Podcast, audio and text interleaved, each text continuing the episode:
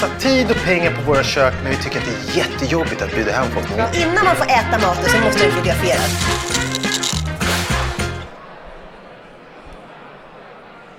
Deras senaste kommunikationsgrepp det är att göra 15 minuters TV-program genom serien Vad gafflar ni om? Ni kanske har sett den på TV. Långa pre-rolls är det bland annat på Youtube. Mogge Serovagi och Martina Haag de bjuder på insikter om hemmet som företaget då byggt upp genom åren.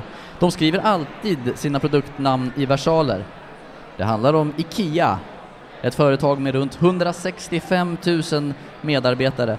Någon med mycket tid har räknat ut att om Ingvar Kamprad till exempel skulle ställa upp alla de här på ett led i, i ett varuhus och gå och säga hej, hej, hej, hej, så skulle det ta tre fulla dagar om man gjorde detta oavbrutet. Ett stort gäng i ständig förändring som ska förstå varandra och samarbeta och då krävs det att det är några som jobbar med kompetensutvecklingen. En som gör det på en slags intern skola inom IKEA, det är Jonas Verén. Välkommen! Tack! Du har varit på IKEA då sedan 2007. Ja. Har en lång och härlig titel. Vill du uttala den själv? Uh, jag ska försöka.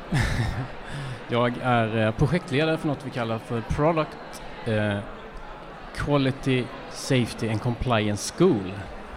Mm. Du är lärare i botten, ja. jobbar inom området då Product Requirements and Compliance, engelska ja. termer där. Eh, och sen tre år med intern skola så startad på hemmaplan för att föra ut det i världen kan man säga. Eh, vad, vad, är det här, Product Requirements and Compliance, vad går det ut på? Jag får först förklara vad det handlar om då. Mm. Eh, jag jobbar på en, en avdelning som heter eh, PROC, Product Requirements and Compliance då. Mm. Och vad vi gör är att eh, vi tar fram alla produktkrav för våra produkter. vi ansvarar för de processerna sen som, som vi måste följa för, för att de här kraven ska hålla hela vägen från ax till limpa. Eh, och det är ju här som jag kommer in också kan man säga när det gäller kompetensbiten för det är ju otroligt många människor som är inblandade i detta. Eh, eh, processerna förändras, eh, det händer saker som gör att vi hela tiden, folk måste vara ajour med vad, vad det här innebär. Eh, så det är grunden egentligen till vad jag, vad jag pysslar med. Mm. Ni har ju krav då som ställs på produkterna och så ska man se till att det efterlevs. Ja. Kan man konkretisera det på något vis, hur ni jobbar? Uh, ja, vi kan väl Ska vi ta ett exempel? Vi kan försöka. Mm. Om vi tar kök då som är det mest komplexa det. av alla produkter egentligen, för det, det är ju många produkter igen kan man säga. Just det, ja. Uh, så uh, får man ju titta, det handlar ju om att först sätta kraven på detta då, då det är liksom stommen, uh, lådorna, skåpsluckor och så vidare. Eh, där vi har ju olika former, eh, inte bara färg utan olika tjocklek och så vidare. Eh, alla de här kraven, där måste man se till så att man så att säga, följer dem hela vägen när man från, från ritbordet till produktion och sen till kund. För saker kan hända om man inte tar, tar verkligen grundligt gå igenom det. Som att göra riskbedömningar och så vidare. Mm allt detta kräver att man eh, så att säga, kompetensutvecklar folk så att, så att de vet vad de behöver göra eh, för att det inte ska ske någonting. Mm. Och detta kompetensutveckling, sker det liksom, hur jobbar ni? E-learning eller face to face eller? Uh, det är mycket filmer jobbar vi med. Uh, men sen så är det mycket face to face för att uh, det handlar mycket om att diskutera, ändra, alltså så, så, att folk verkligen eh, ser hur vikt, vikten av det. Så man får prata, konkreta exempel till exempel, och det gör man ju bäst genom att, att prata och diskutera.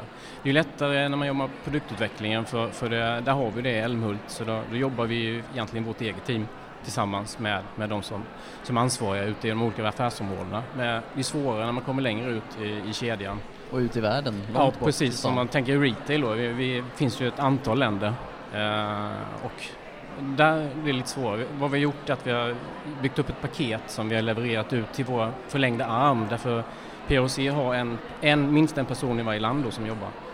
Eh, och de hjälper mig eh, vidare med att jobba med de här bitarna. Eh, ja. Ibland händer det ju att produkter måste återkallas. Och någon nattlampa här, patrull till exempel, för någon dryg månad sedan. Ja. Eh, barn hade fått en stöt och skadat sig, det kan hända ju när man har jättemånga produkter som ni har. Och Då gäller det att någon slår larm och liksom, där har ju personalen en stor del i att det här, hur det här hanteras liksom och Ja, precis. Hur Eh, funkar nu, det där? Nu är det här ett extremt exempel egentligen. Det, är, det sker inte så många fall där vi återkallar. Det är en handfull per år. Mm. Eh, Men vad vi har är, oavsett vad vi jobbar med när det gäller den proaktiva biten eh, som vi har pratat om innan, att följa alla krav, krav och, och så vidare, eh, så händer det saker i alla fall. Eh, Och då har vi en, eh, vad vi kallar Quality and Safety eh, Compliance Alarm Process. ja. Nej, men då, alltså det, och det är lag på det också att man ska Mm. använda sig av, eh, man måste ha det. Så då följer man eh, den processen. Och, och den är ju superviktig att alla som är inblandade vet exakt vad man ska göra. Eh, det gäller också för oss att vi fångar upp eh, allting som, som kan ske eller sker ute i världen. Mm. Eh, så det är en av orsakerna till att vi verkligen försöker lyfta, eller vi gör, vi måste lyfta det. Så det är en stor grej som vi, som vi jobbar med. Mm. Och eh, man kan ju ge pengarna tillbaka bara hej och hopp.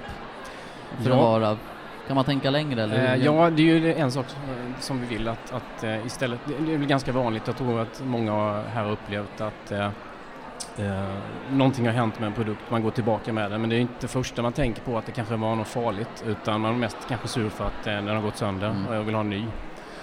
Eh, och vad vi vill är ju att man verkligen börjar tänka två gånger och titta på vad, vad är det, är det några andra problem bakom eh, som, som vi kan lära av för att göra förändringar innan det händer någonting som det här med, med, med nattlampan som du pratade om. Ja. Hur menar du? En pall till exempel eller? Det kan det vara.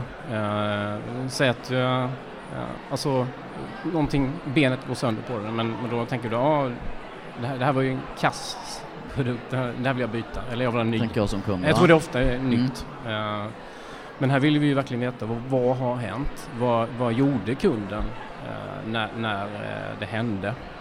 Så att vi får, får en bild av det hela. Mm. För det kan ju hjälpa oss att se om det är någonting annat.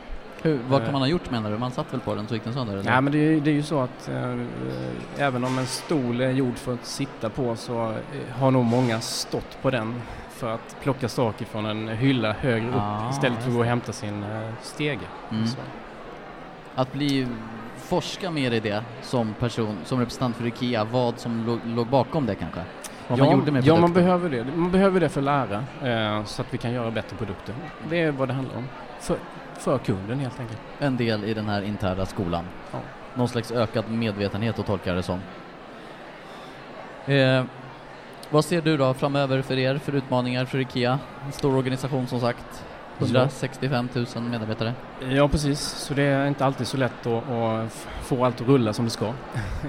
Men eh, det kämpar vi mot. Så att det, det är mycket med... med eh, man, vi har ju ett sätt som vi vill så att säga, lära ut eh, och det handlar mycket om konkreta exempel som vi var inne på innan och, och vad, vad talare har pratat om här också.